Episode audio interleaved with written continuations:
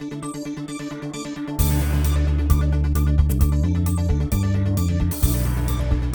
tulemast kuulama NBA saadet Kuues viga. see on aasta kaks tuhat kakskümmend kaks ja teine saade.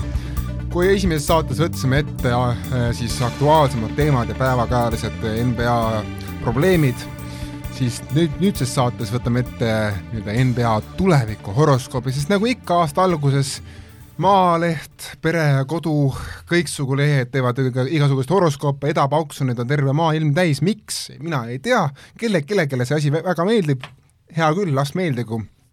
aga ka meie siis vaatame natuke tulevikule otsa, vaatame otsa, mida, mida on asjatundjad rääkinud NBA kohta ja mida meie näeme, mis, mis võiks juhtuda, mis, mis ei võiks juhtuda, hindame erinevaid asju kolme, kolme palli skaalal sisuliselt, need on siis äh, õllejutt, Charlie, Charles Barkley garantii ja Silveri sahin, nagu ikka on stuudios neli meest, Otto Oliver Olgo, Henri Sipra, Erki Saksing ja Ardo Kalda. tere! no tervitused!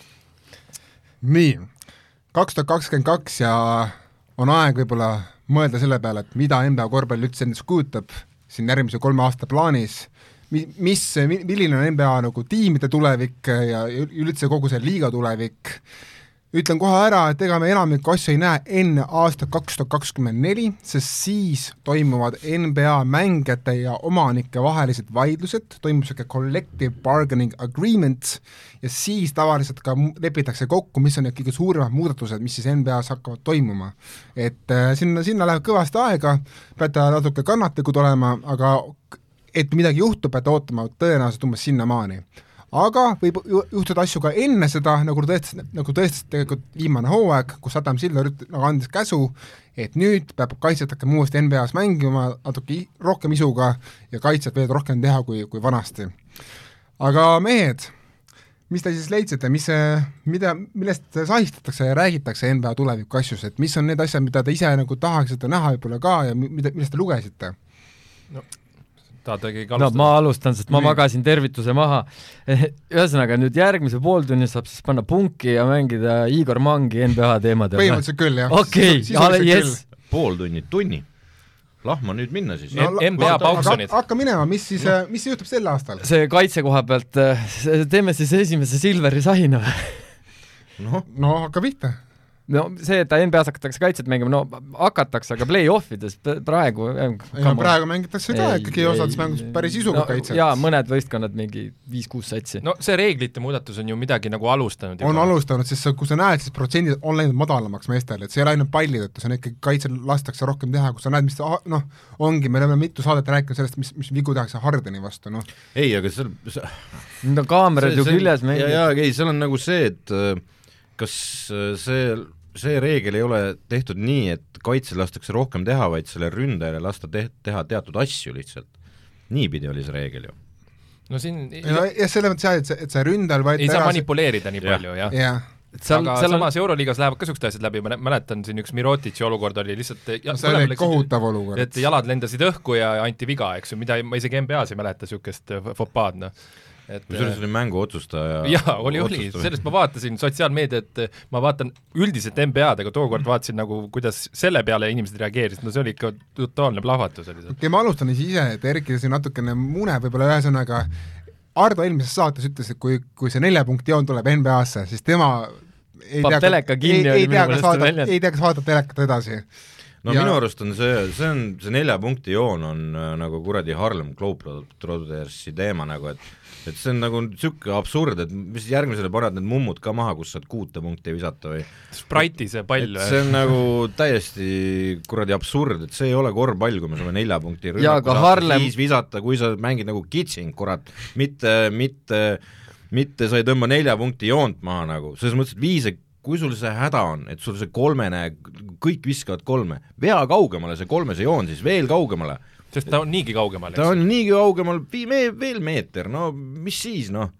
et las olla see kolmene kaugemal, selles mõttes, ärgem unustagem, et kolmene on üks mitte nii väga vana reegel üldse korvpallis, eks ole. seitsekümmend üheksa. nelikümmend aastat. nii, et äh, me oleme, kogu korvpall sai mängitud kunagi ilma kolmese jooneta, eks ole, et peame selle kaugemale, Steph Curry'l on täitsa ükskõik, kes selle fännid on, et jaa, aga vanasti tegi farmer ka hobusega tööd, nüüd ta sõidab ja, traktoriga. jaa, aga traktor on sul nelja punkti joon, selles mõttes, Aga et ei ole seda noh. mängu teate, teate, mis me mõtleme, minu arust see ei muuda probleemi, see nagu, see ei muuda seda asja, sellepärast et ikkagi kolm on niivõrd palju nagu, noh, on niivõrd palju kasulikum kui kaks, isegi kui see on meeter kaugemal, siis matemaatiliselt, analüütiliselt, no kõik need Harv-, nii-öelda noh, Harvardi ja MIT haridusega kutid on praegu NBA tiimide juhtkondades.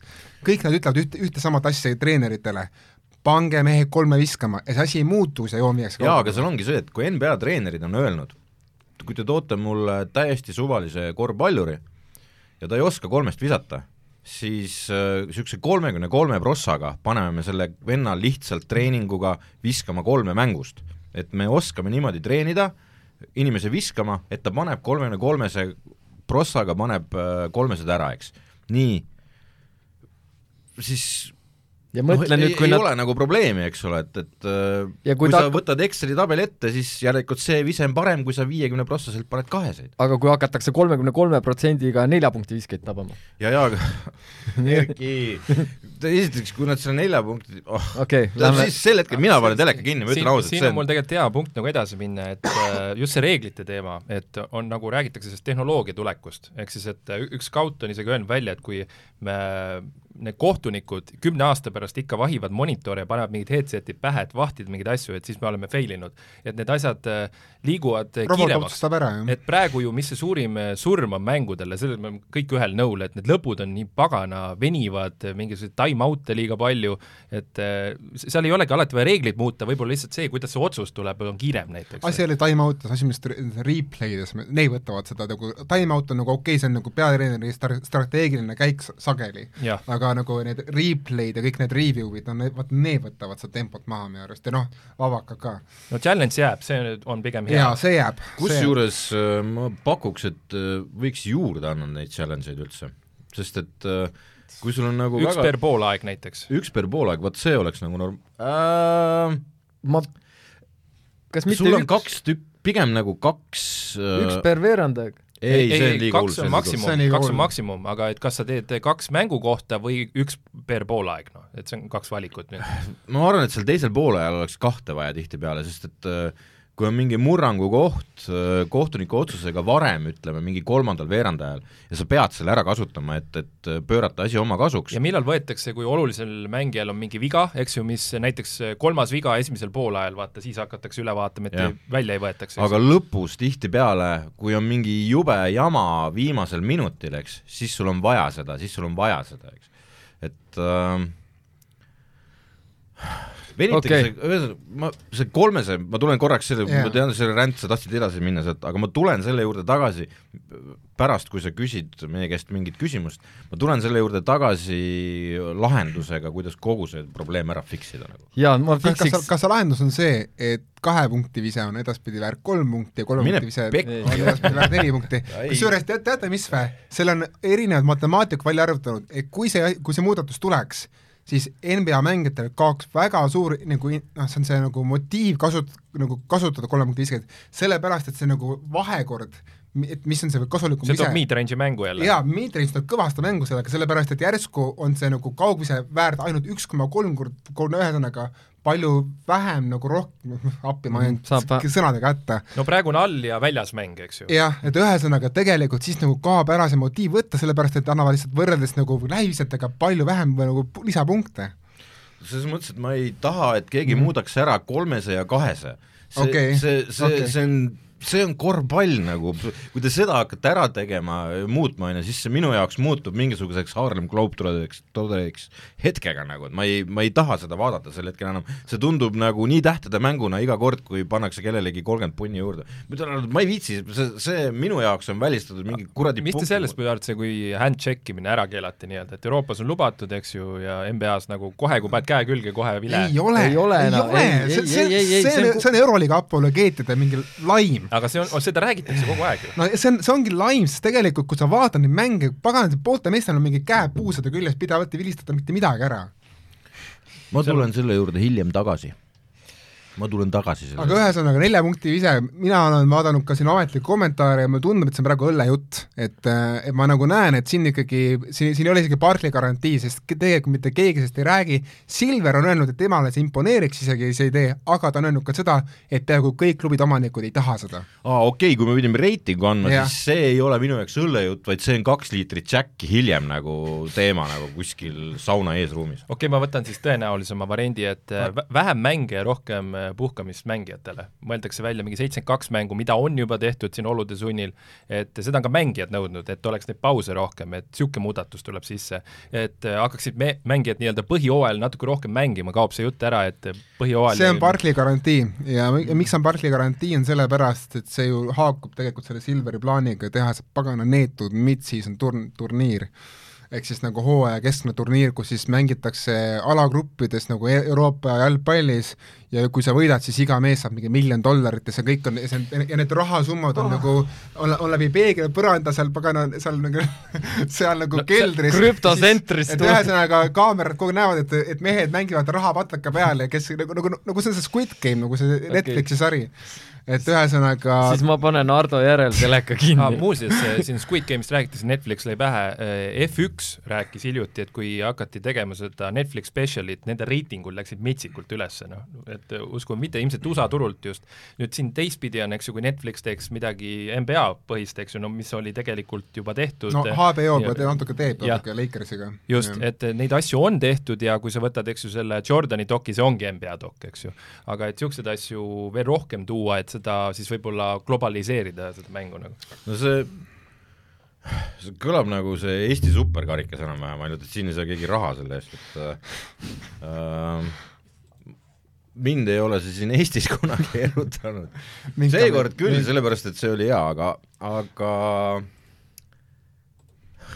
mina ei saa aru sellest mid-season turniirist. ma ei saa ka nagu selles mõttes, et äh, kui ma pean vaatama Äh, vendasid mängimas miljonite eest, kuigi see on neil nagu lunch money põhimõtteliselt, siis noh, see mingisugust superstaari see väga ei kunagi üks-ühele turnasid tegite ju isegi. oleks seal see, et äh, mingi turniiri võita saab äh, automaatpääse mingi teise raundi või konverentsi finaali, vot siis läks huvitavaks natukene. jah, mingisuguse sest selle nimel võitakse juba küll, sest sa, sa väldid ühte pikka seeriat võib-olla, vigastusi väldid kindlasti selle seeriaga. liidritele annad puhkust. jah, jah, et ma arvan, et kui sul oleks niisugune incentive juures, vot siis juba hakkaks mõtlema, et okei okay,, see on täitsa mingi jumet ei või isegi olla sest tegelikult olgem ausad, detsember kuni jaanuar, noh, kuni veebruari algus on natukene dog days of the NBA ehk siis nii-öelda natukene noh, mehed natuke ootavad allstar juba pausi, eks ole, hakkavad, hakkavad vaikselt ootama ja no niisugune hooaja lõpuks valmistatakse ka, et see on natukene niisugune niisugune imelik aeg. jah, aga me ei saa seda nagu päris õllejutuks ka tembeldada, sellepärast et Adam Silver ise on sellest rääkinud, et äh, sellest mid-season turnamendist, see oli üks tema ettepanekuid äh, elavdamaks äh, seda keset hooaega äh, olevat äh, nii-öelda haigutamist.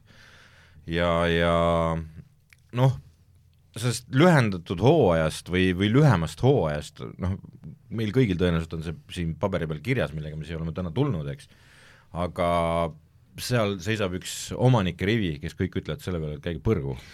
enam kusjuures jõulude ajal tuli uudis välja ESPN-is, et äh, on juba kolmandik omanikke, kes on juba hakanud äh, pooldama Silveri teed mis Silveri teed, seda mid-season tournament'i? jah, et ühesõnaga ei no mid-season tournament, ma räägin lühendatud ah, hooajast okay. praegu. et äh, see tähendab, kui sa võtad neilt ära kümme mängu, siis sa võtad ära väga suure kopika nagu nende teleraha taskust. et äh, siis noh, kuskilt selle... otsast peab nagu hakkama seal... mängijad peavad ise sellega rahul olema? ei, ei mitte mängijad, kas see tähendab seda, et et palgad hakkavad langema, sest et aga äh, mõnedel need superstaarid, need võib-olla on isegi nõus sellega, et ei tea mm., ahnusel pole piire ikkagi, inim- me räägime päris suures, olulisest summast, kui me räägime, et me võtame ära enam kui kümme protsenti sinu mängudest, see tähendab seda, et me võtame ära enam kui kümme protsenti, see tähendab seda, et kelleltki võetakse ära üle, üle nelja miljoni kui dollari. tegu ei ole Simmonsi või Irvinguga, sest neid ei, neid no, ei need, nemad, eks, jah jah, see on eraldi teema, aga, aga mingi vend, kes on nagu, tahab mängida ja teha ja raha teenida, siis ja, ja teine asi, kui sa võtad äh, sellelt äh, miljoni dollari mehelt sada tuhat ära, siis see on tema jaoks väga palju jah, aga mina ütleks, et see on Silveri sahin, et see on selles mõttes, et ma arvan, et see asi juhtub ja ma ka, ma arvan, et see asi juhtub mis asi siis? et hooaja lühendamine, aga see juhtub sümbioosis selle pagana mid-season turniiriga, sellepärast et Silver on öelnud, et kui see asi juhtub, see turniir, kuidagi si-, seotakse allstariga ka ära ilmselt. et siis mängude arv lüheneb kaheksakümne kahe pealt vähemalt seitsekümne kaheksa peale. üks asi, mida on nagu räägitud ja pakutud, on vaata USA-s on hästi oluline NCAA ja March Madness, et praegu et kuidas see NBA hooaeg seal lõpeb. et ei konkureeriks nii palju, jah. et seal ongi niimoodi, et et kui March Madness lõpeb, siis võiks nagu NBA paugutada. kohe otsa tulla. jah, et tegelikult on see, et ega selle March Madnessi ajal keegi NBA-d ei vaata. et mm -hmm. kogu telekas on ka paksult ainult seda March Madnessit täis aga võib-olla ongi ja sest pooled tiimid siis juba noh, tangivad ja, aga pooled tiimid ja. küll, aga ülejäänud võitlevad elu ja surma peale seal selle play-in'i koha eest, eks. no tegelikult tangivad sa peadki jah. kuidagi hakkama arvestama seal, et see on nagu päris oluline koht, et millal nüüd NBA oma hooaja lõpetaks ja hakkaks seda play-in'i mängima. et kui sa saad pihta nagu sellele ajale, kus on ma-, March Madness, siis tele, nagu tele on ka väga unhappy näitamaks NBA mänge, sest kedagi ei huvita. aga see, nagu siis Silverist edasi minnes, et ja mis sa arvate, et nende lepingutega midagi ei hakata tegema või? et vaata, praegu on need olukorrad, kus äh, kellelgi on saja viiekümne milline leping ja ta ei mängi, ta ütleb, et ma ei mängi, noh et, et kas niisugused klauslid ei mõelda tulevikus välja? et NBA üks hädasid on see, et need garanteeritud lepingud. et noh, me ei saa tegelikult öelda, et hädasid, see on üks pluss sportlaste jaoks, ütleme ja, nii. mängijatele annab see võimu, väga suure jah, võimu. et ütleme, et sellist asja ei ole ei NFL-is ega NHL-is et garanteeritud lepingut seal ei ole, et sa, see, et sa teed lepingu, see ei tähenda mitte midagi sinu rahakotile veel. sest et nii kui sa viga saad, siis on adieu, goodbye ja, ja mine otsi endale uus koht, aga siit rohkem tšekki ei tule. NBA-s võid lõpetada karjääri, ikka papp jookseb veel no,. NBA-s jookseb ju Luol Teng. Luol Teng saab ikka veel viis miljonit. ei tea, mitu aastat. et, äh, et need garanteeritud lepingud äh, muidugi on selles suhtes halvad, et need vennad, kes terved on, ja on pika lepinguga, on mingis jõhkras mugavustsoonis ja kõige julmem näide minu arust sellest garante-, mitte ainult garanteeritud lepingus, vaid veel, veel mingitest lisaklauslitest oli tegelikult Mellow freaking New Yorgis mm, -hmm. kus no, no ei saa vennast lahti, sellepärast et tema ise peab nõus olema kõigega, mida sa teed nagu. et, et võim on praegusel hetkel ära läinud omanike ja mänedžeride käest öö, kuskile Rich Pauli juurde ja et no seni ei ole niisuguseid probleeme ka olnud nagu praegu, aga, aga me näeme ka ju neid olukordi, mis tegelikult eh, klubile on ju väga kahjulikud. terve hooaeg võib sul nagu pekkis olla veits, sest et üks mängija otsustab. no siin on muidugi see, et omanikel on rohkem vaja mängijaid, kui mängijatel on vaja mingis mõttes nagu vähemalt, vähemalt rikastel mängijatel ja, on ja paremaid suhteid peab ka hoidma. et ühesõnaga, mina arvan, et see lepingute osas väga palju ei muutu, mis muutub, ma arvan, on see, et ma arvan, mis pannakse järgmisesse selle collective bargaining agreement'iga paika. roster spot'e juurde. noh, see ka nagu nagunii, aga ma mõtlen, et äh, neid tuleb nagunii juurde.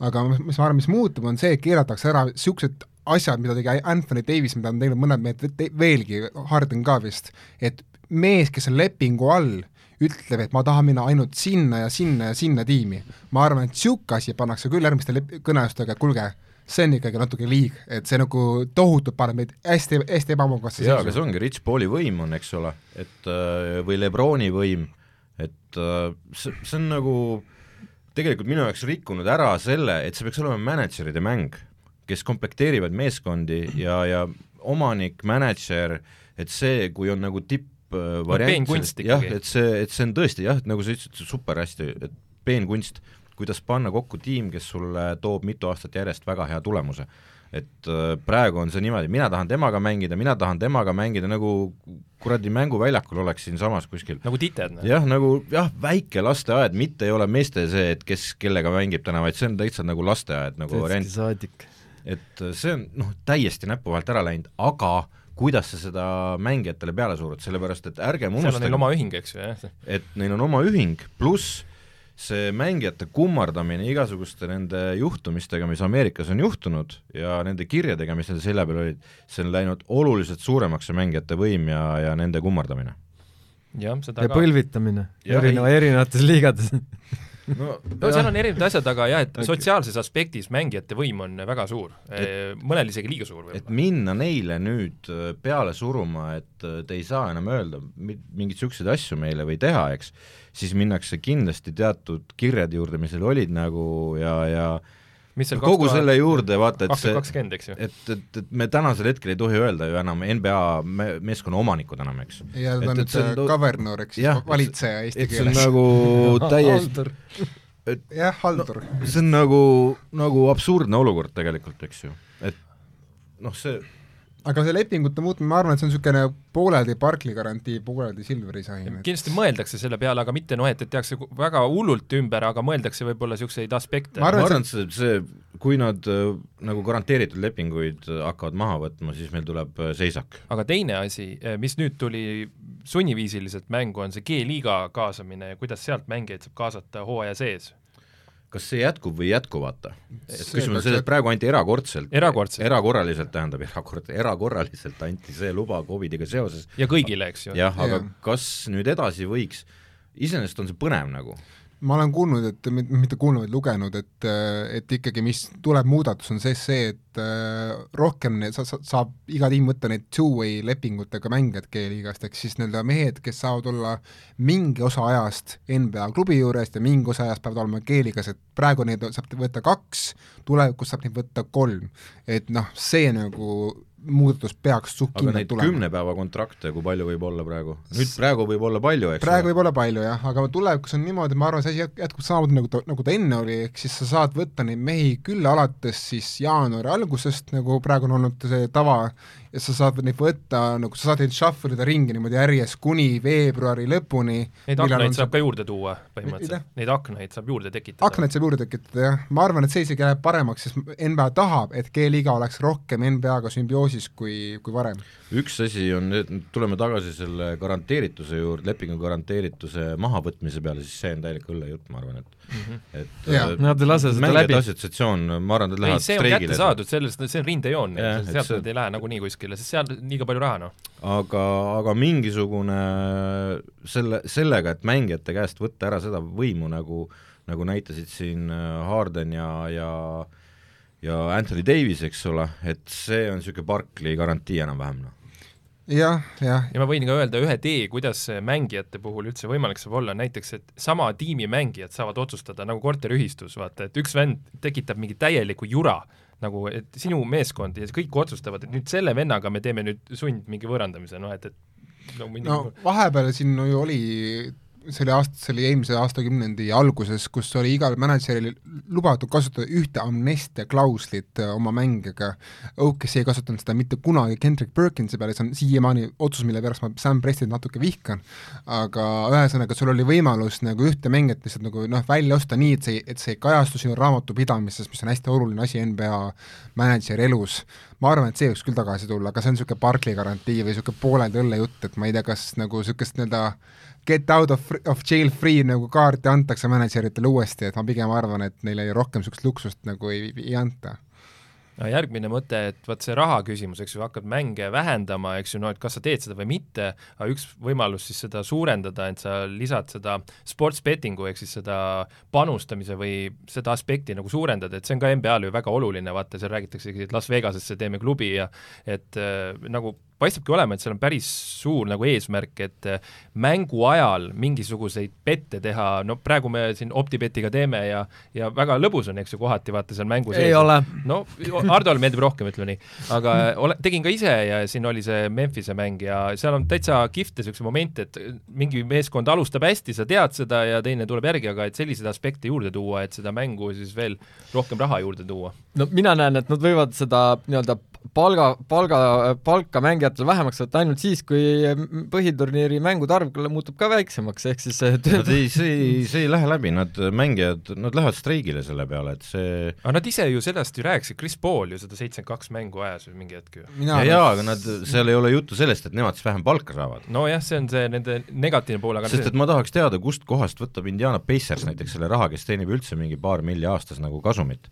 Et äh, kust, kust nemad võtavad selle raha, kui need kümme mängu ära võtta? no nagu Euroopas need Barcelonad ja asjad, et äh, rämedalt miinuses, aga kuskilt tuleb ikka noh. Äh, no USA-s on no- on IRS on nagu rohkem seljas See- kui, kui on- Hispaanias mingid jah, see, see ikkagi fännimüük, piletite müük, see nännimüük jah, aga neil ei ole nagu jalkaklubi kõrval, kes selle kõik kinni tambib, noh. Ega seal, seal on tegelikult, ma, ma ütlen, see korraks Euroopa peale hüpates, et see, kuidas Euroopas need rahad liiguvad, kõik on ka telelepingutega pealt. et mul on tunne, et üks hooaeg seal jääb natuke puudu, siis nad ütlevad, kuule, anna järgmise hooaja eest natuke ette ja äh, teeme natukene siis järgmine hooaeg lõdvemalt. ma olen saanud aru, et Realil ja, ja Partsal, kes mõlemad on tegelikult miinuses, Real oli isegi vist veel jõhkramalt mingi aeg et nendel ikkagi jalkaklubi jalkaklubi nagu tassib annab natukene rutsi jälle, et poisid, pange, põrgatage edasi, et USA, USA-s on teised äh, asjad, mis need panevad liikuma, aga tele on ikka see, kus see on, aga nüüd no, aina rohkem on demand ja mis sinna juurde tuleb. ja, ja aga noh, USA-s ongi, teleraha on selle omaniku jaoks kõige olulisem asi, mis ta, mis ta nagu aasta jooksul saab nad on nõus loobuma pealtvaatajatest äh, selle Covidiga, aga peaasi, et mäng nagu tuleb ja telesse läheb, et isegi kui see saali kasutus, kõik asjad, maksame kinni, vahet ei ole, andke teleraha, kurat. ja see oli, kus need mängud olid ohus, et ärajäämised, võtke isegi see suvaline vend sealt äh, kümne miili kauguselt. üksjuures, kusjuures siin peab ütlema seda muidugi, et kas NBA mitte ei teinud jälle kõige suuremat kuradi telelepingut läbi aegade või? Ei, need, neil tuleb see kõnelus alles ees, ees ootamas. aga võib-olla nad proovivad sealt selle vahe kinni mätsida, tõsi, NBA ei ole nii väärtuslik enam. ja seal on reitingud ka muidugi küsimused, jah? muidugi, kuigi va-, kuigi ühesõnaga, mängude vaadatavus on langenud, siis ikkagi live-spordi eest maksavad telekanalid ikkagi roppu raha edasi. et olgugi, olgugi natuke see langenud, inimesed järjest vähem vaatavad üldse telekat, vaadatakse neid voogedastusplatvorme nagu Netflix ja HBO-d ja muud asjad, ja ma arvan, et live-sport on üks väheseid asju, mis ikkagi endiselt tõmbab inimesi nagu teleka ette, et see, ma arvan, et selles mõttes, et isegi kui see vaatus on kukkunud, siis ma arvan, et see lepingusumma ikkagi kasvab. no USA-s ei ole vaata see betting nagu mingi tabu ka näiteks, ja no need vennad nagu on pidevalt ju vaata äh, Uh, see on pere eelarves sees. põhimõtteliselt jah, et nagu tahan täna NBA-d vaadata, panen mingi tiimi nagu season ticket, noh. ja seal ju kutsutakse ju suguvõsa kokku, et mängu vaadata, et, et see kultuur on niisugune. aga kuulge, ma tegelikult, kuigi me, ma lihtsalt korraks hästi, hästi korraks hüppan tagasi eelmise teema juurde, et ma saan aru, et kuigi meile ei meeldi see in-season turniir, et ühesõnaga mina arvan, et see tuleb ära juba järgmisel või ülejärgmisel no proovivad ära ja siis vaatab, mis jah, saab ma arvan, et juba järgmisel või ülejärgmisel hooajal see proovitakse ära. no samamoodi nagu play-in tuli, see tuli järsku ju. jah ja., aga see toimis, see oli nagu ja. huvitav. see toimis väga hästi, sest see Lakersi Warriorsi mäng, seda vaatas kuus miljonit inimest, mis oli kõige vaadatum mäng peaaegu üldse ja. kogu sellest nagu hooajast ja siin võib tulla veel, vaata, seal ongi, et hea meeskond saab õigeks hetkeks vormi ja ta on kümnendal kohal ja siis ja. saab kokku selle seitsmendaga või mida iganes, eks ju. aga ma toon järgmise näiteks, äh, palju on räägitud platsi venitamisest. et äh, mi-, mis te sellest arvate, on ta siis õllejutt või, või Barkli jutt või ma arvan, see on õllejutt. et, et on räägitud sellest, et anda veel rohkem ruumi äh, ründavale mängijale, eks ole, et tõmbame veel platsi suuremaks. Siis laiupidi või pikkust mõlemat. mõlemat kohe, no vot seal on siis juba, kui sa seda teed, siis sa saad sellest kolmese teemast ka rääkida, aga see ma ei tea, noh, see on praegu, praegu väga õllejutt tundub olema nagu. jah. Aga samas no Silveril pole mitte mingisugust nagu juttu tulnud sel teemal. no seal on küsimus ka see rahaline, et vaata, kas see tehniliselt on keeruline teha või nendes väljakutes, mis neil seal on pigem, see tekib see courtside nagu istmete võib-olla küsimus. jaa, aga noh, küsimus ei käi seal nagu ja. kolmest meetrist, vaid nagu, nagu väheke jälle. mingi kümme senti sinna ja, ja, ja viis senti ja. sinna, no see on ka jällegi asi, no mida saab ju proovida, aga noh, et siis nagu ruumi juurde tekitada, noh Ke. keeliga seda ei proovita, tavaliselt keeliga on niisugune testimisplatvorm NBA jaoks, nii et ma arvan, et kui keeligas hakatakse sellega, sellest juba rääkima, siis vaatame seda edasi, praegu on ta ikkagi õllejutt. aga võtame ühe teise teema, mis on palju huvitavam, NBA laienemine. minu arust vot see on üks huvitav teema, et et kuhu suunda? kuhu suunda esiteks täpselt, teine on see, et mis aastal, et noh, arvatakse, et on kaks tuhat kakskümmend neli nagu siis, kui need uued lepingud tulevad, aga, ja kuhu linnadesse ja noh, see ongi kuhu suunda, no Tallas tegi Mehhikoga juba algust. miks sellest räägitakse? kaks põhjust. Äh, esiteks, äh, koroona ajal on NBA ropult raha kaotanud tegelikult. klubid, klubid on ikkagi vahepeal päris suures hädas, et kõik need areenitöötajad on nüüd tööta vahepeal, Torontos eriti praegu näiteks. et äh, mis tuleb, kui uus klubi tuleb NBA-sse, Nad, need uued omanikud peavad maksma miljard kuni poolteist miljardit dollarit NBA-le ja see jaotatakse kõigi teiste omanike vahel laiali, ehk siis iga omanik saab niisugune noh, vähemalt kuuskümmend miljonit dollarit või isegi rohkem, et äh, saab enda, saab enda kukrusse. Payrolliks päris hea, et see on nagu no, no mis payrolliks, see läheb rikkuri taskusse, see ei lähe, see ei lähe kuhugi mujale. noh, jah, eks seal see, see lähe Kavernori taskusse. jah, jah, halduri taskusse läheb et Houstoni see, see, see on see omanik selle tasku. Tillman.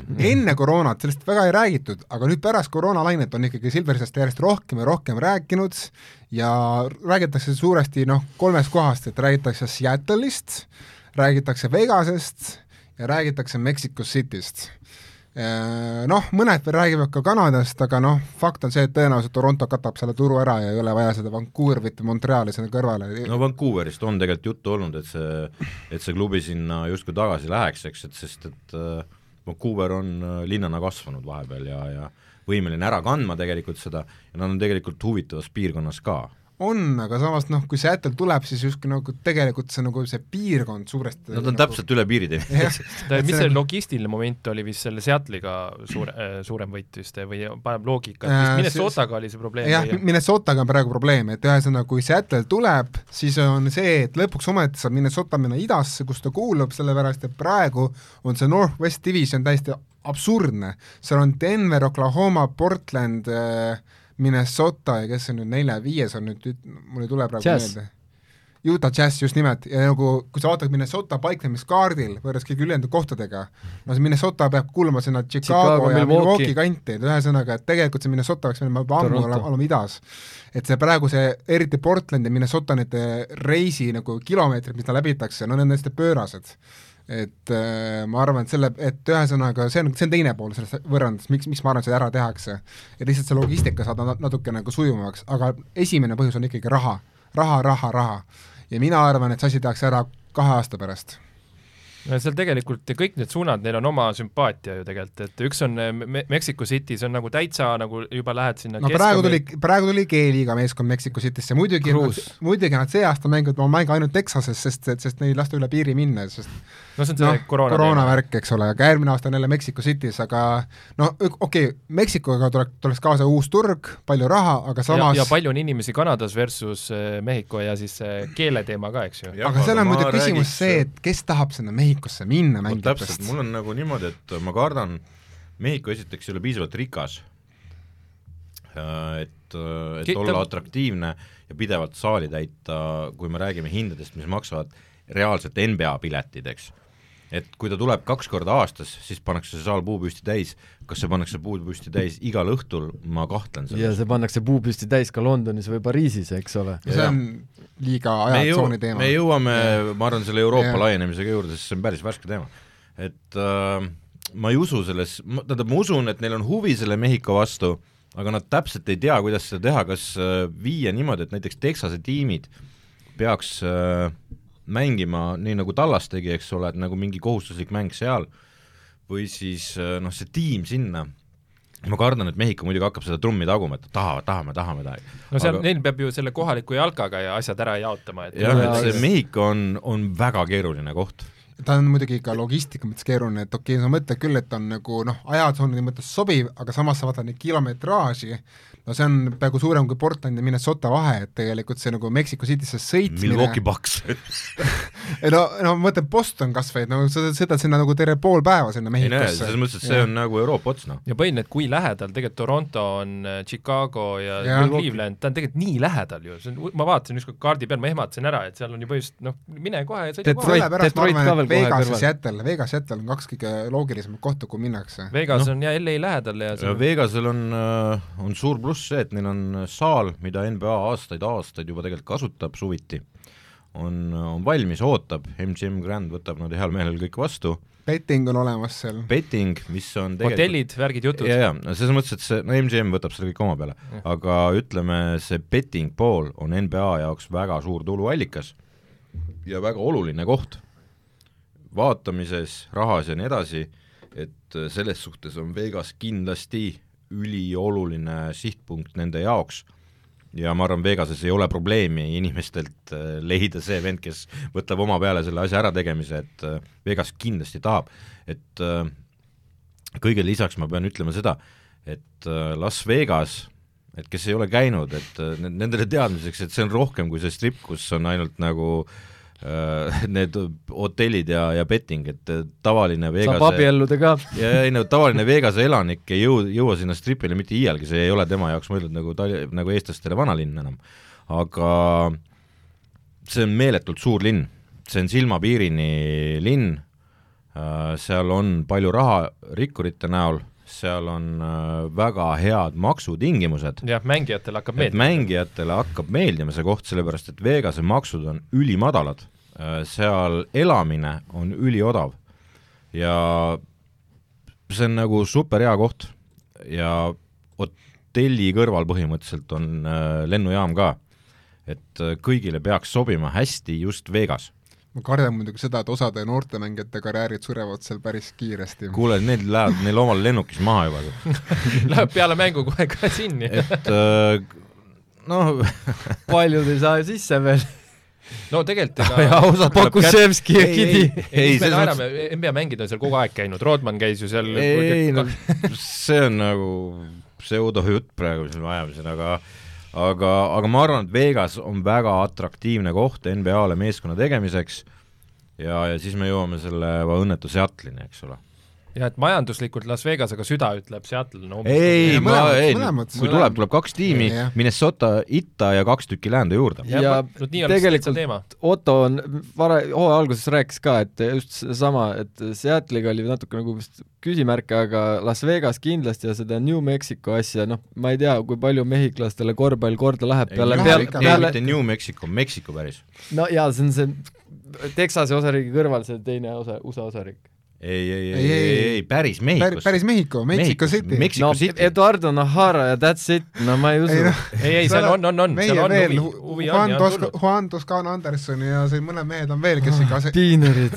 ja, ja aga see, ma ei, noh, sellest sai räägitud, see, see Mehhiko jääb niisuguseks Barclay garantiiks. Las Vegas, Las on, Vegas ja seal on sats. probleeme, see võib-olla on kaugem tulevik, vaadatakse kindlasti, sest NBA tahab kaugemale minna, ta ju räägib Euroopast, räägib äh, Aasiast, sa- Aafrikast, kõigest räägib, noh. Henri, kui sa paned Mehhiko City, siis sellel hetkel kustutad sa Euroopa endale igaveseks ära nagu. no seda küll. sest et mina ei tea, kes lendab sinna ja pärast seda korvpalli veel jaksab ei mängida., no ei, asi on selles, tegelikult et Bostoni mehed juba ei jaksa, eks ei, see, see ei mahu sul lihtsalt pähe, sest neid lennukeid pole veel olemas, aga tehakse mingid Concordid uuesti, siis võib-olla saab teha. mis praegu rohepöördega tehakse Concorde. Concordi ei, lennukid on töös reaalselt, ega siis ega see Need, ei, need Concordid. igavesti meil enda aga selles mõttes, et olgem ausad, kolmkümmend tiimi on olnud NBA-s aastast, aastast kaks tuhat neli, nii et tegelikult on aeg täitsa, täitsa küps, et oleks veel paar tiimi, mina arvan, et talenti on tulnud piisavalt palju liigasse juurde, et või nagu Ameerika jalgpallis ainult kakskümmend kaks satsi või kakskümmend neli, no jaa, seal ma mis on, ütlen, see on kõige populaarsem nende jalka üks asi, üks mäng, mis mul on täiesti ajuvaba, ma lihtsalt ei ole sinna süvenenud piisavalt hästi, on see pesapall, kui palju mänge nad mängivad noh. see on pöörane. mingi sada kuuskümmend või sada seitsekümmend mängu üks hooaeg, et et noh, seal on ja noh, need selliste sportidega peab NBA nagu konkureerima nagu kogu aeg, noh et, et see ongi aga lä-, laienemine on suures mõttes Silveri sahin, et see, see pigem toimub ja sellest räägitakse ja sellest me ei pääse suure nii, aga tõenäosusega. linnadele pane ka nüüd nagu need no mina ütleksin, et Seattle on sahin, oota, mis sahin siis äh, Silveri sahin. Silveri sahin on Seattle või? see on nagu vana võlg, mis vajab maksmist jah, ma arvan, et see on nagu karmavõlg, mida, mida tahetakse ära, ära klappida ja kui ma, kui on Vegas ja Mexico City, siis ma ütlen, et Vegas on ka Silveri sahin ja Mexico City on Barclay garantii. ah,. Vancouver, õllejutt. kuidas, no seal on niimoodi, et kui Seattle on mängus, siis äh, Vancouver kustutatakse ära sealt, sest nad on täitsa kõrvuti, et enne Montreal kui Vancouver. ei, ma ei usu, et Kanadasse nad enam äh, praegu Kanada ise ka vist ei taha selle Covidi situatsiooni ja, ja nii edasi, et, et, et on näha, mis seal Torontos ju juhtus, et et ma ei usu, et nad mängijad tahaks, sest et seal on eriti Harden, sest Kar-, Kanadas on see stripiklubi situatsioon parem kui Ameerikas. muideks räägitakse ka Nashville'ist ja St Louis'est ja mõnest linnast veel, aga nagu kui sa lihtsalt paned need kõrvuti Seattle'i ja Vegase teistega, noh sorry, aga ma ei usu, et Nashville nagu saab selle nagu endale, see lihtsalt ei ole loogiline. No nad kindlasti proovivad. nojah, aga aga proovi St Louis'is iseenesest on ju mängitud hiljuti, et no olgem ausad, et Oklahoma sai selle, see on ka tegelikult ju see on väike, väike ime, ime. Oklahoma Ja suguseid samas- ei, ei, ei, Oklahomale ei saanud ise midagi, nad vägisi läksid sinna no jah, aga see on ju nii müstika, noh. samas on palju osariike, kus ei ole üldse profiklubi, mitte üheski nagu USA profiliigas ja, ja on nagu ala kandepind on suur, et äh, millises näiteks? Boise, Boise osariigis äh, seal mängitakse. ida, idaosarikas Jaa. on see poisilinn, seal elab kolmkümmend tuhat inimest, vähe rohkem. natuke rohkem on üle liialdasin. Aga- aga sest et nemad fännavad seal, nemad fännavad näiteks seal Seattle Seahawks äh, jalgpallivõistkonda, see on nende nagu no siis seal minnakse lähimasse linna lihtsalt. No see ongi Seattle. samas nagu ei tohi unustada, Erki, seda, et äh, NBA klubi kindlasti ei taha minna kohta, kus on mingi jõhker äh, N-, NHL-i või NFL-i klubi ees, kes, kellel läheb jube hästi, sellepärast sest ütlesingi, nad hakkavad konkureerima kellegagi, kes noh, on nagu täiesti sellepärast võimatu. ma just ütlesingi, et mõni osarik, kus ei ole üld-, üldse, üldse nagu seda profi suur neljast liigas osalevad. ja, ja aga tal peab olema kandepind, et täita ära meeletu saal iga õhtu, et äh, selles mõttes äh, tal, tal peab olema a la Indiana läänes või? no suurtes linnades nagu LA-s vaata igast trikke võid teha, seal on ju jalka, seal on No, kaks jaa. Seal kossutiimi on, kõik- kõik seal on kaks pesa, jaa, jaa. me- metsikult ja vaata all on San Diego, kus tuli see üldse teema, eks ju, San Diegosse saaks veel midagi teha, seal on ju mingid dolphinsid ja asjad Ja- ja, San Anaheim, Diego- Anaheimis on hoki. ja, ja aga San Diego on äh, kusjuures võimalik, sest sealt on nagunii juba NBA tiim üles viidud, on ju.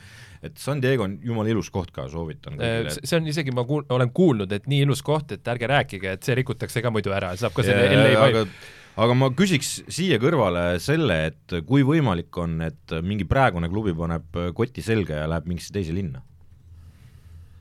Minnesota võib-olla on isegi üks tõen- tõenäoliselt, sest nad just oli omanikuvahetus, Alex Rodriguez on üks uus omanik, kes on vana pesapallikuru, et ühesõnaga ja hästi edukas ärimees. jah, et äh, Minnesota on päris sealt noh, iga talv on seal ikkagi öelda, on mängijad, kes, mängijad, kes ei taha sinna Minnesotasse minna, sest seal lumetormid ja kõiksugu muu jäide, mis seal, mis seal inimestele ei meeldi. soojemasse kohta siis. et võib-olla Minnesota jah, läheb soojemasse kohta, et noh, kas või see Tampa Bay, kus praegu oli Toronto siin terve hooaja, et noh, see võib küll juhtuda jah. aga Sacramento?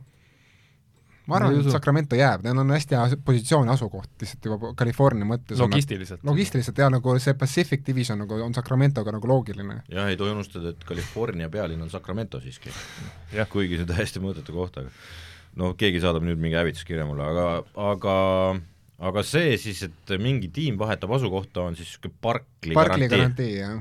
okei okay., aga tuleme selle, selle nüüd siis kõige magusama osa juurde siis tiimide puhul, ehk siis Euroopa. kes mina ei õllejutt, õllejutt puhas. no seal jääb kindlasti see, et nad käivad neid mänge. Londoni, Londonis, Pariisis käivad. need jätkuvad, need jätkuvad. Tallas tahtis vist Sloveeniasse minna või et selle Luka, ma kuulsin seda, see jah oli mingi, me räägime praegu hooajaeelsetest või, või mingist Maribori laagrisse. sellest äh, näidismängust mitte, mitte hooajasisesest mängust, kus sinna Londonisse aeti, on ju. oota, aga me räägime praegu sellest, et äh, jutt on olnud, kuidas äh, Real Madrid minu arust on kunagi tagunud äh, vastu rindu, et nemad tahaks ka ikka NBA-s olla ja et logistiliselt on tehtav nagu, aga siis Ei ma, ma olen ise tehtav. nagu mõelnud seda, et mis kuradi moodi see see logistiliselt tehtud ajatsoonid, ajatsoonide tõttu on see suht võimatu, ma arvan, see lihtsalt see jet lag, mis sul tuleb nagu sellest ajatsooni minemisest, see on niivõrd suur. ja siis ma tahaks teada, mismoodi kavatseb klubi, kes siin on miinuses ja mitte natuke, vaid päris palju, kelle eelarve nüüd produtsendile vaatan otsa, on niisugune pealtpoolt kolmekümmend miljonit eurot, järsku tekitada juurde endale kuskil niisugune sada miljonit eurot, et äh, olla NBA meeskond, pluss nende eelarve peab olema oluliselt suurem ühes transpordikohas nagu, sest nad peavad lendama kuskile USA-sse ja, ja tegema seal asju, pluss nad ei saa enam mängida siis Euroliigat, sest see nagu muutub võimatuks. et äh, kurat, ma ei näe selleks aga- on teisi sõiduvahendeid vaja.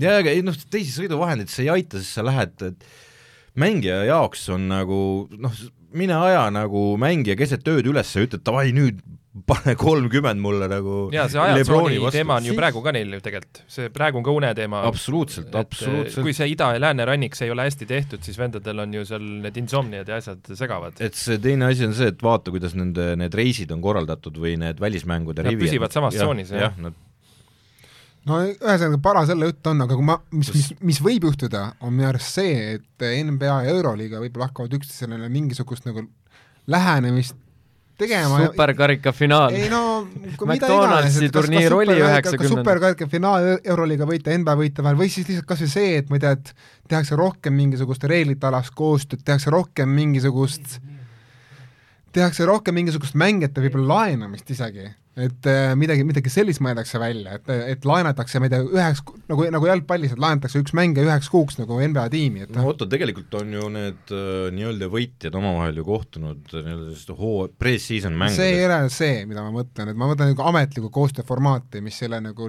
nagu lihtsalt kontrollmäng. võib-olla siit nagu üks kõrvalehüpe, me G-liigast oleme nagu rääkinud, aga et vot Premier League'i näitel, et on see, et tiim kukub välja ja tuleb asemele ja niisugused mingid see dünaamikad. on õlle jutt. seda seda ei lasta Ükski Omanik ei ole- ei lasta teha seda. jaa, tean. aga ütleme, oota, kui me tuleme selle Euroliiga toome selle mitte tiimi tasandil, aga näiteks mängijad saavad sealt seda kaudu sisse või no mida iganes, vaata. et seal on, tegelikult on niimoodi, et kui sa Euroliigas mängid, siis kõikidel kõvematel kulinatel seal Euroliigas on see NBA klausel tavaliselt lepingus, eks.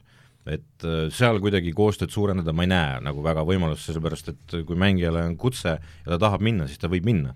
Aga äkki see on, ma ei tea, NBA klubi kutsub näiteks, ma ei tea, noh, Gabriel Decker on no, ebaõnnestunud näide natukene hiljuti, sest aga ühesõnaga ma ei tea, Orlando Magic tahab tekki nagu kuuks ajaks katsetada, kas, kas see, kas sellel kutil on üldse NBA-s nagu mingisugust lootust püsima jääda või mitte. Taha, tahaks ju korda, no nüüd, nüüd me teame, et ei ole, on ju, aga äkki see nagu laenulepingu formaat on nagu mõistlikum kui see, et sa võtad mehe sealt Euro Euroopast üldse ära, siis sa pead teda integreerima oma klubisse, süsteemi nagu noh, ühesõnaga või siis äk- äk... teine näide, mingi paindlikum värk. ei, ei, selles mõttes, et siin on nagu see koht, kus sa tuled jutuga, et ainuke, kes paindlik peab olema, on Euroliiga, eks ole, sest no mine räägi, et kuule, ma tahaks korraks Lebroni mingi kuuks ajaks siin FS-is miks nagu proovida mina arvan, et äkki isegi näiteks San Antonio Spurs annaks mingi oma noore mehe annaks küll korraks Euroopasse, kuule näed, mul ei ole seda minutit anda, mine korra mängi seal. jaa, aga nad saavad anda ju. Nad saavad seda praegu teha ju. G-liigaga saavad teha, jah. ei, nad saavad, sa võid minna Euroopa, nad laenulepingu alusel NBA annab oma mängijaid Euroopasse. ei anna, mis asja sa ajad? seda ei ole juhtunud üldse ju. Seal peab ei, mingid mi- noored mängijad, see, keda nad ei taha näiteks draftist, on kellegi teise käes. seda küll, et kui sa oled draftis valitud, ei tähenda see see, et, et sa pead olema kohe üle, et jah, et sa võid jääda Euroopasse mõneks ajaks veel. no seal peavad tead, teatud sammud olema, näiteks Luka Samanic, eks ju, ta oli Spursis, siis ta vajus sinna G-liigasse ja siis ta kukkus sealt välja ja siis tuli Euroopasse põhimõtteliselt, kuidagi nii vist oli. Samanis vist Ei. ei, ei, ei ole, ei olegi Euroopasse tagasi tulnud. Ei, ta on G-liigas. see teine, see Smailagic. Smailagic, jah, jah. vot, vot, vot. Kusjuures jumala hästi mängib, aga oleks selles, mõttes on jah, see, see on võib-olla võimalus, et mingi et aga siis see peab nagu kahtepidi tänav olema. Jah. et äh, see, see päris nii ei ole, sest et muidu läheb äh, Läppes. NBA-s Jah. need lähevad, savilt lähevad igale poole, davai, ma tahan kõiki neid vendasid proovida, on ju, mis siis aga kui see juhtub, Kemba Walkeri jama oli, kas Nix oleks Jokubaitise korra toonud Euroopast? vabalt. noh, näed, et see, niisugused variandid võib-olla oleks teemad, eks ju.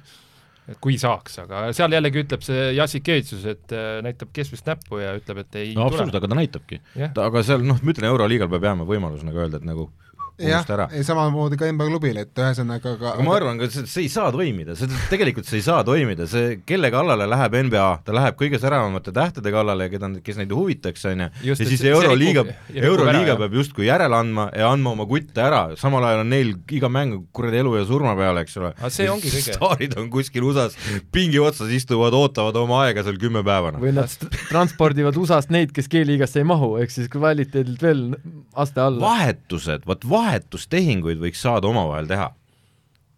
või siis two-way leping, mis lubab ka Euroopasse minna. Kurgid sulle, raha kas mulle. G-liiga või Euroopa, noh et, et niisugused mingid liikumised, et ta läheb pikalt, pikalt sinna, mis ongi nagu vahetus põhimõtteliselt, eks ju, et vend ei saa mängida, siis ta öeldakse, mine nüüd siia G-liigasse, ma ei taha, ma läheks Real Madridi hoopis. noh et, et niisugune variant, noh.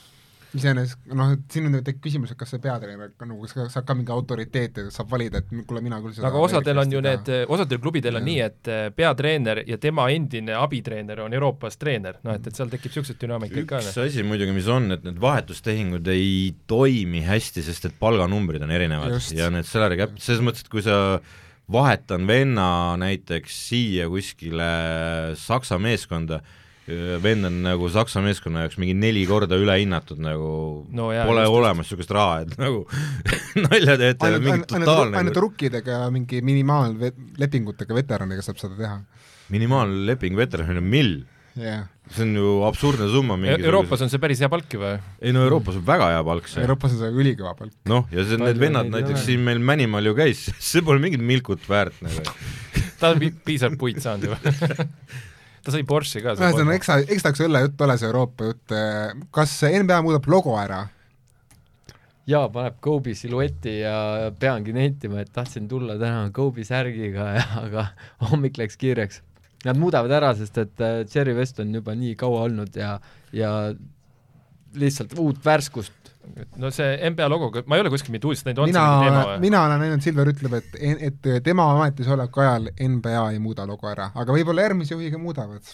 ainuke logo, mis äh, tiimidest, millest rebrändimata on Bulls veel, kõik on ümber teinud teised. oota, selle logo juurde ma tulen, siis Jah. ärge unustage, et härra Vest on endiselt elus ja siis sa paned Kobe nagu tema asemel, oleks päris nõme tegu. no see dü- dünaamika oleks imelik jah. ja pluss härra Vest on ülimõjukas tegelane aga samas ta ise on alati öelnud, et teda üldse ei koti see värk. ja jaa, aga nagu no aga miks see-, miks üldse, noh, see on, ma tean, see on alati mingi marketingi jutt ilmselt ei no kuskilt see hakkab pihta. marketing, et see on ka see, et noh, et, et noh, kas peaks nagu andma lõpuks ka mo- modernsele staarile või nagu hiljutisemale staarile selle nagu au olla see nagu NBA logo mängija, aga noh, see logo on vana.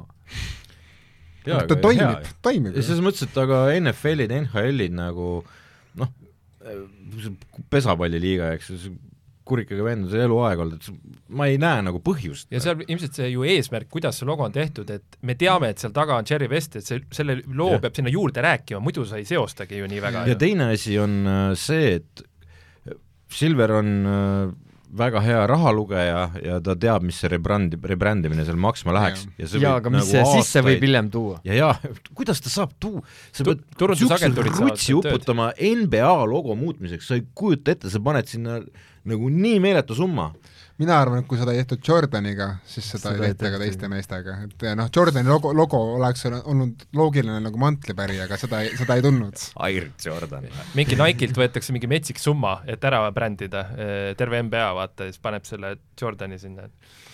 ei, see oleks liiga hull, ma arvan, see oleks liiga hull. ma Aga arvan, Adidas läheks niimoodi tagajalgade peale selleks. Ma teen paar reegli asja veel ka ütlen ära, et mis, mida G-liigas praegu proovitakse näiteks. G-liigas proovitakse seda, et kui on vabavisetele, siis äh, mängija viskab ainult ühe vabaviske, kui te, kui te, kui te teete viga kolme punkti joone taga, siis ta ikka viskab ainult ühe ja kui ta paneb sisse, on kolm punkti, kui ta ei pane sisse, on null. et ühesõnaga vabavisket nagu muudetakse see kogu see protsess ära, et äh, et sa ei viska enam kah-, kaks viset, viskad ainult ühe viske ja ongi selle aja kokkuhoid jälle. jah, ma olen kuulnud ka seda varianti sellest, et äh, ükstapuha, kus sa, kus sulle viga tehakse, sa viskad kaks nagu. et mitte ja. üks, vaid et, et äh, olenemata sellest, et et kitsik kaob ära või? ja ei, ei mitte seda, selles mõttes, et, et kui sulle kolmesadaga tehakse viga ja sa paned mööda selle, on ju, siis sulle antakse ikka kaks. aa, selles mõttes jah. et mitte seda, et sa pluss ühe ikka saad. See on päris huvitav kusjuures lüke, et see võib isegi täitsa teha mängu kiiremaks kindlasti. no et lahendad ära mingi, Antetokumpoga kindlasti. aga teine asi samast sarjast, see vabavisked on see, et äh, jääb ära kuues viga, vaid äh, tuleb iga kord vabavise, nii kui teed vea. See üks- muidugi hoiab staare mängus, jah. et see oligi see point, et Jah. kuidas hoida staari mängus, mängu huvitavana. samas sellel on ka oma, oma niisugune nagu t- narratiiv, tragöödia, kui staar langeb välja ja järsku, järsku peab mingi pingimängija päästma need kastanid välja, see on ka omamoodi põnev ju vaadata. no ma ei tea, ma läheks teeks karateed, kui niisugune, selles mõttes, et siis, siis on niimoodi, et kõik hakkavad mingeid neid äh, käsi treenima, kuidas raiuda lihtsalt nii julmalt, Ei sest no, ainult vabavisked on saa, mis tulla, et kui keegi tahab näha, et kui vead ei ole probleem, vaadake suveliigat, kus on kümme viga võimalik teha, kuidas seal vennad raiuvad. okei okay,, keeliga ah?, keeligast veel paar, paar asja jaa, suveliigas on kümme viga lubatud.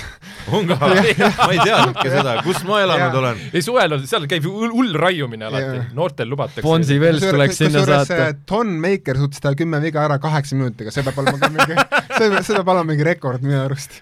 igatahes paar asja veel, mis keeligas katsetatakse, mis, mis tõenäoliselt tuleb ka NBA-sse mingi hetk, kui juba keeligas katsetatakse, lisaaeg ei ole viis minutit, vaid on kaks minutit mis on päris põnev tegelikult, see lisab, lisab päris palju dünaamikat, et sul on ainult kaks minutit aega, et päästa veel oma, oma mäng ära. ja kui sa teed häkk a shag või nagu häkk a Giannis, siis selle eest äh, vise, vaba vise ja pall tagasi tiimile. et ühesõnaga, et see kaotatakse ka ära, see häkkimine, et kui kehv vaba viskaja, siis, siis noh, ühe viske saab ja pall tagasi. et, et ei ole nii tulus see tegevus siis no.. siis võid, ei no lihtsalt see noh, läheb mäng sujumaks, et see läheb, mäng läheb kiiremaks jälle, mäng läheb jälle nagu vo- voolamaks. ja üks asi oli veel, mis on põnev, aa, mis, mis kindlasti juhtub, kusjuures juba järgmine hooaeg, pange tähele, kiirrünnakute vead lähevad euro, Euroliigaks kätte. ehk siis äh, kui mäng jääb hiljaks NBA-s, mida tehakse, pannakse käed külge, panen praegu Henrile käed külge ja ongi jälle mängu sis-, mängu sisak, viga ära ja pall tagasi ründavale no tiimile clear path foul on praegu juba olemas ju. ega nüüd on niimoodi, et praegu noh, tehniline vist kohe või? ei no praegu on ei see ole, see on see flagrant üks tuleb selle eest. jah Jah., aga see, aga praegu on niimoodi, et ikkagi mõeldakse seda, et nagu kui sa lihtsalt kaitses nagu kiirrünnakus teed hiljaks ja nagu teed natuke noh, lohakus vea, siis kohe vabavisked ja noh, mitte vabavisked, vaid tehniline selle eest, jah. ebasportlik just, et ühesõnaga ja mina arvan, et see on hea reegel Euroliigas, mina arvan, et see peaks, peaks tulema NBA-sse küll, sest tegelikult see kiirrünnakute hakkimine, see ju võtab ära mängu ilu, siis me võib-olla näeksimegi väga head, praegu on juba ju. ta ei ole päris lõpuni, ja ei sa ole, nagu noh, lõpuni. ta ei ole Euroliigal. ei no Euroliiga ta ei ole, aga see Kerr seda ka ko- kommenteeris hiljuti, et ja Steve Kerr, Steve Kerr tahab seda ja Adam Silver tahab ka seda. Omanikud on veel see on siis Silveri sahin siis? jah, see on Silveri sain, see tuleb. okei okay.. kas me nüüd läheme siis selle kolme asja juurde, mis mängu kohe paremaks teeks meie ja. kõigi jaoks, jah, sest et kellaaeg aja, annab meile äh, noh, kõrvalt produtsent muutus äkiliseks, sellepärast et hakkab vist temal see elektriarve tiksub okay. siin, kui tuli põleb, et tal on, tal on börsipakett no nii, iga igaüks kolm asja, mida tahate näha järgmise kolme aasta vältel NBA-s, alustame kes sa oled kõige rohkem vait olnud. jah, ennem kui me rääkisime sellest ja kui ma ütlesin, et ükskord vaatame videot äh, veeranda jooksul, siis see võikski olla see, et ükskord vaadatakse seda videot ja siis see ülejäänud tilu-lilu äh, ei vaata seda videot, eks. ja nagu vanasti, et kui paned esimese vabaviska mööda, siis teist vabaasjat ei saa, kogu lugu noh, sa ei vääri seda. okei okay,, see on üks asi. ja, ja just ei nagu, kaks on see. aga kaks jah. kolmas, mis teeb mängu kohe paremaks. viimane. Ma jään nende kahe juurde. kas sa seda kiirrünnakute asja ei taha või? see, see on nõme tegelikult, või noh, mitte nõme, aga see on nii ja naa, kui on piiripealsed olukorrad, siis ongi see, et siis on nagu selle, nagu jalgpallis suluseisu hakatakse siis põhimõtteliselt äh, korvpalli in- installeerima, et mina, noh, ma ei, ma ei, ütleme, kui ma mängin korvpalli, siis ma ei tahaks seda. okei okay.. nii, Ardo. Ardo tahab, ma tahan kohe neid muudatusi, palun, see teeb mängu oluliselt paremaks, vaadatavaks pikemaks. ja toob lõpuks tagasi Siim Semiskari vaatama NBA-d, sellepärast et esiteks, hooaja pikkus tõmma-, tuleks tõmmata kuuekümne viie mänguni ja kuupäevad jätta samaks, ehk siis tõmmata laiali see hooaeg niimoodi, et mehed oleks kogu aeg puhanud, ei oleks back-to-back mänge äh,, ei oleks vigastusi, kõik staarid on saadaval, ei tuleks väsimusvigastusi, mis on tihtipeale noortel ja, ja päris vanadel vendadel, sest et noh, kelle minutid on jube üleval. teiseks, nad jõuaksid mängida ka kaitsemängu, sest et vahepeal on puhkepäev. teine ja nüüd kõige olulisem muudatus, mida ma tahan, please, kui ma saaks oma handshake'i palun tagasi. et äh, paneme nüüd käe külge ja, ja mängime kuradi kaitsemängu kes tahab, siis minge vaadake, Youtube'is on endiselt üleval see, kuidas äh, Kenny, Charles ja, ja Zack selgitavad ära vahe handshake versus no handshake ja see on päris julm video. et äh, te saate aru, kuidas, kui palju muutus sellest NBA mäng. tagamängijatele just, jah? jah, absoluutselt, see on see on päris suur vahe ja kogu aeg jookseb video kõrval ja Kenny näitab ka, mis, mis nüüd juhtus. et äh, palun pange see handshake tagasi muutub oluliselt paremaks, oluliselt vähem vilesid jälle, oluliselt vähem mänguseisakut, sest käsi võib küljes olla, nii palju tahad. nii, ja siis utoopia nõue, selleks, et mäng läheks veel põnevamaks, veel rohkem kaitsemängu, veel ägedam oleks see, kui viimane meeskond kuidagi saaks karistada, ehk siis oleks mingi võimalus langeda lõpuks liigast välja, et lõpuks see neetud tänkimine ära, mis on täiesti absurd minu arust, et tängime selleks, et saada paremaid asju, on nii vale asi, kaotame selleks, et veel paremini läheks. see on investeering. see ei ole invest-, kuradi investeering, minu arust oli Asaia Toomas, ei, Asaia Toomas nagu rääkis seda väga hästi, kui ta läks sinna Wizardsisse, andis päris pika pressikonverentsi just ta seletas, et see ei saa olla normaalne, et noortele meestele hakatakse maast madalast selgeks tege-, tegema, et kaotamine on okei okay, nagu. kaotamine ei ole okei okay., ma olen freaking sportlane, kes püsib vormis, mina pean võitma ja tegema kõik selleks, et võita. ja me oleme näinud neid tänkimisi kuradi New York Knicksis, kui korjati välja kõik head mehed, sest et mäng läks kuidagi valesti meie kasuks muidu. korjati kõik välja, vennad istusid, eks ole, seesama Ines Freedom oli seesama, kes nagu mölises kõige rohkem sellel teemal, see on täiesti absurdne sellist asja, et kaotamine on okei okay,, kaotamine ei ole okei okay,, see on sport.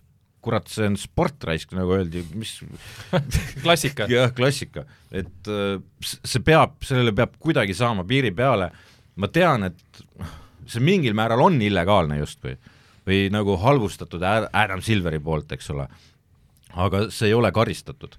ja seda peaks karistama ja, ja tugevalt karistama kuni selleni, et te ei taha mängida, te kaotate, selge, seljakott selge järgmisse linna.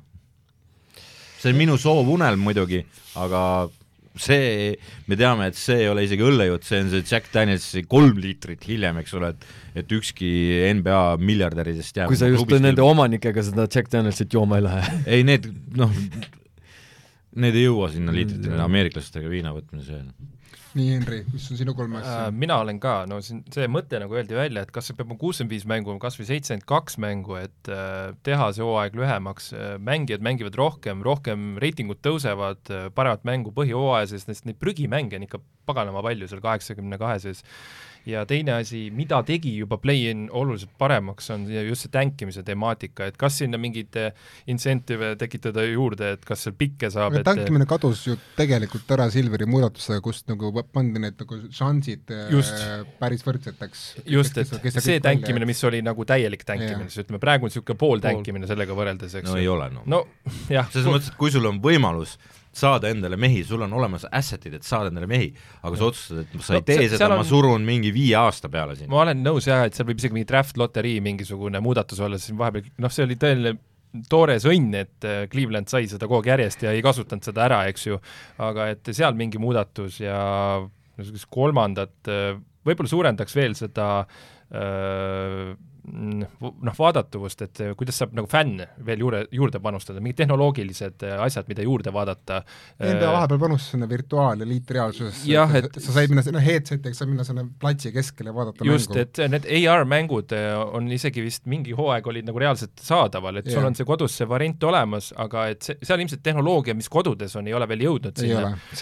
aega. aga et see tuleks teemasse, et siis tõesti, sul ongi see pühapäeva mingi supermäng ja siis sa vaatad seda selles AR-is või VR-is, Ungaris, no eestlane eriti, kui ta ei saa kohale lennata, no ta võib-olla vaataks seda väga hea meelega, eks ju. no praegu oleme kodukontorites, siis on kodumängud ka põhimõtteliselt ja nagu siis enda... teiseks tekivad ju need kuppelkinod, vaata, kus sa lähed sinna 3D sisse ja vaatadki võib-olla nii mängu, eks ju, et noh, see on ühisvaatamised ja asjad, mis sinna kõik võivad juurde tulla, sest muidu lihtsalt niimoodi vaadata niimoodi 2D pilti, see on eh, midagi muud, noh no nii, Otto, põruta nii, et meil kõigil hakkab piinlik. ma esmalt ütleks, et mina, ma, see ei ole, ma, see ei ole mu kolme soovi hulgas, aga ma ütlen, et mina ei taha handshake tagasi, sest mina arvan, et see lihtsalt soodustab laiska kaitset, mitte head kaitset, vaid laiska pane, sellepärast pane pauk ära. selle, sellepärast, et sul on lihtsalt nii lihtne hoida käsi küljes, sa, sa ei pea pingutama nii palju, nagu sa pead praegu NBA-s pingutama. jaa, aga sa ei saa midagi, sa ei tohi teha midagi. tohi küll, tohi küll. ainult blokkida viset nagu, sa ei tohi anda keha, sa ei tohi, tohi panna küll. kätt külge, no okay, ei tohi, reeglite okay, järgi ei tohi. lõpetame ära, see handshake ei ole nii oluline, sest et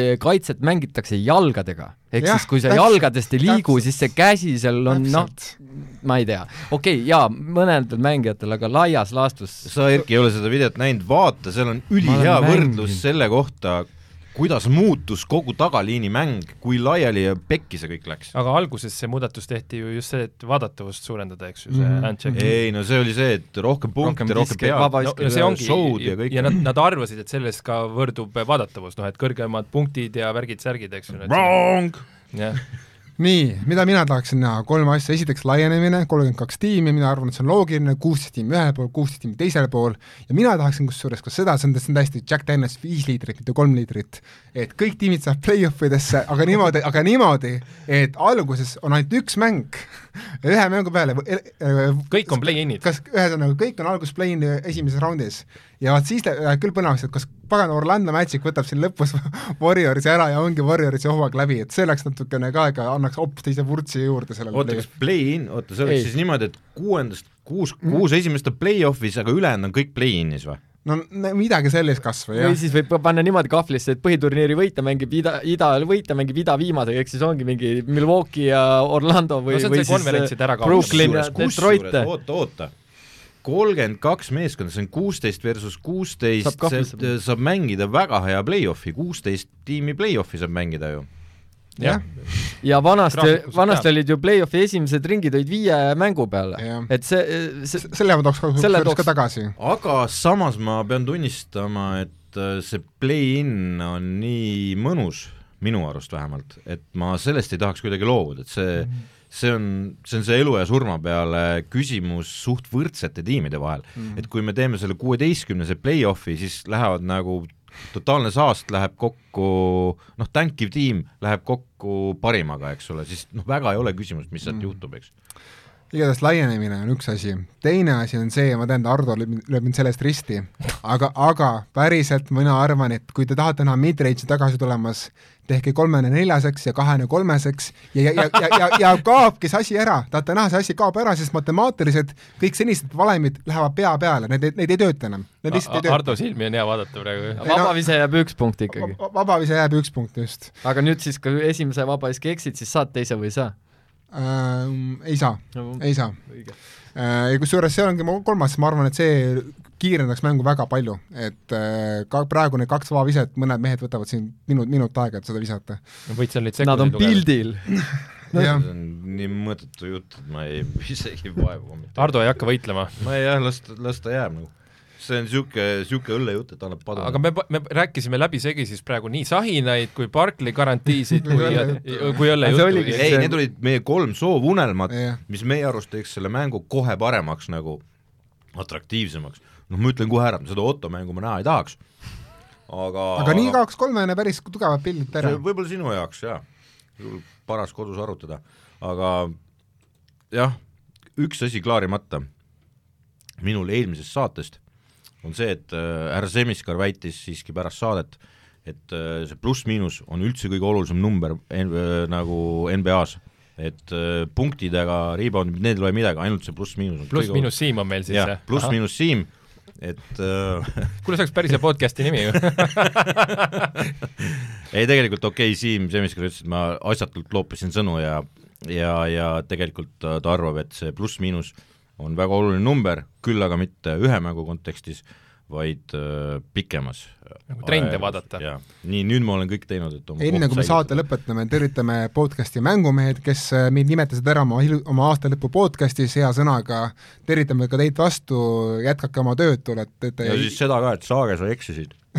jah, Kristo Saage sa ei tea ikkagi Ja- NBA-st eriti midagi, et ja järgmistel omavalitsuste suve korvpalliturniiril Raevalt küll ei võidan. ei, esiteks seda, et kust see tuli? mis asja sa räägid ei, et kõigepealt seda siis nagu täpsustuseks selle Saage teemal, et kolm Antetokumbot on äh,, kaks neist mängisid Milwaukee Bucksis ja said sealt sõrmuse, kuid kõige noorem vend mängis aasta varem Lakersis ja sai sealt oma sõrmuse aga teda ei ole enam aga NBA-s. teda ei ole enam NBA-s. see on Prantsusmaal see kutt juba jah. jah, ja ütleme niimoodi, et see kõige vanem vend, kes Milwaukee's on, on seal ainult sellepärast, et seal on Jannis ka nagu. ei, ta ei ole Prantsusmaal, Kreekas peaks olema. kus iganes ta, kus kus iganes Okei, ta on no palju edu talle. Kostas, Kostas tuli, nägi ja võitis. just, aitäh, et kuulasite meid ja juba õige pea kuuleme uuesti. ei no järgmine nädal. tšau. nii, tšau.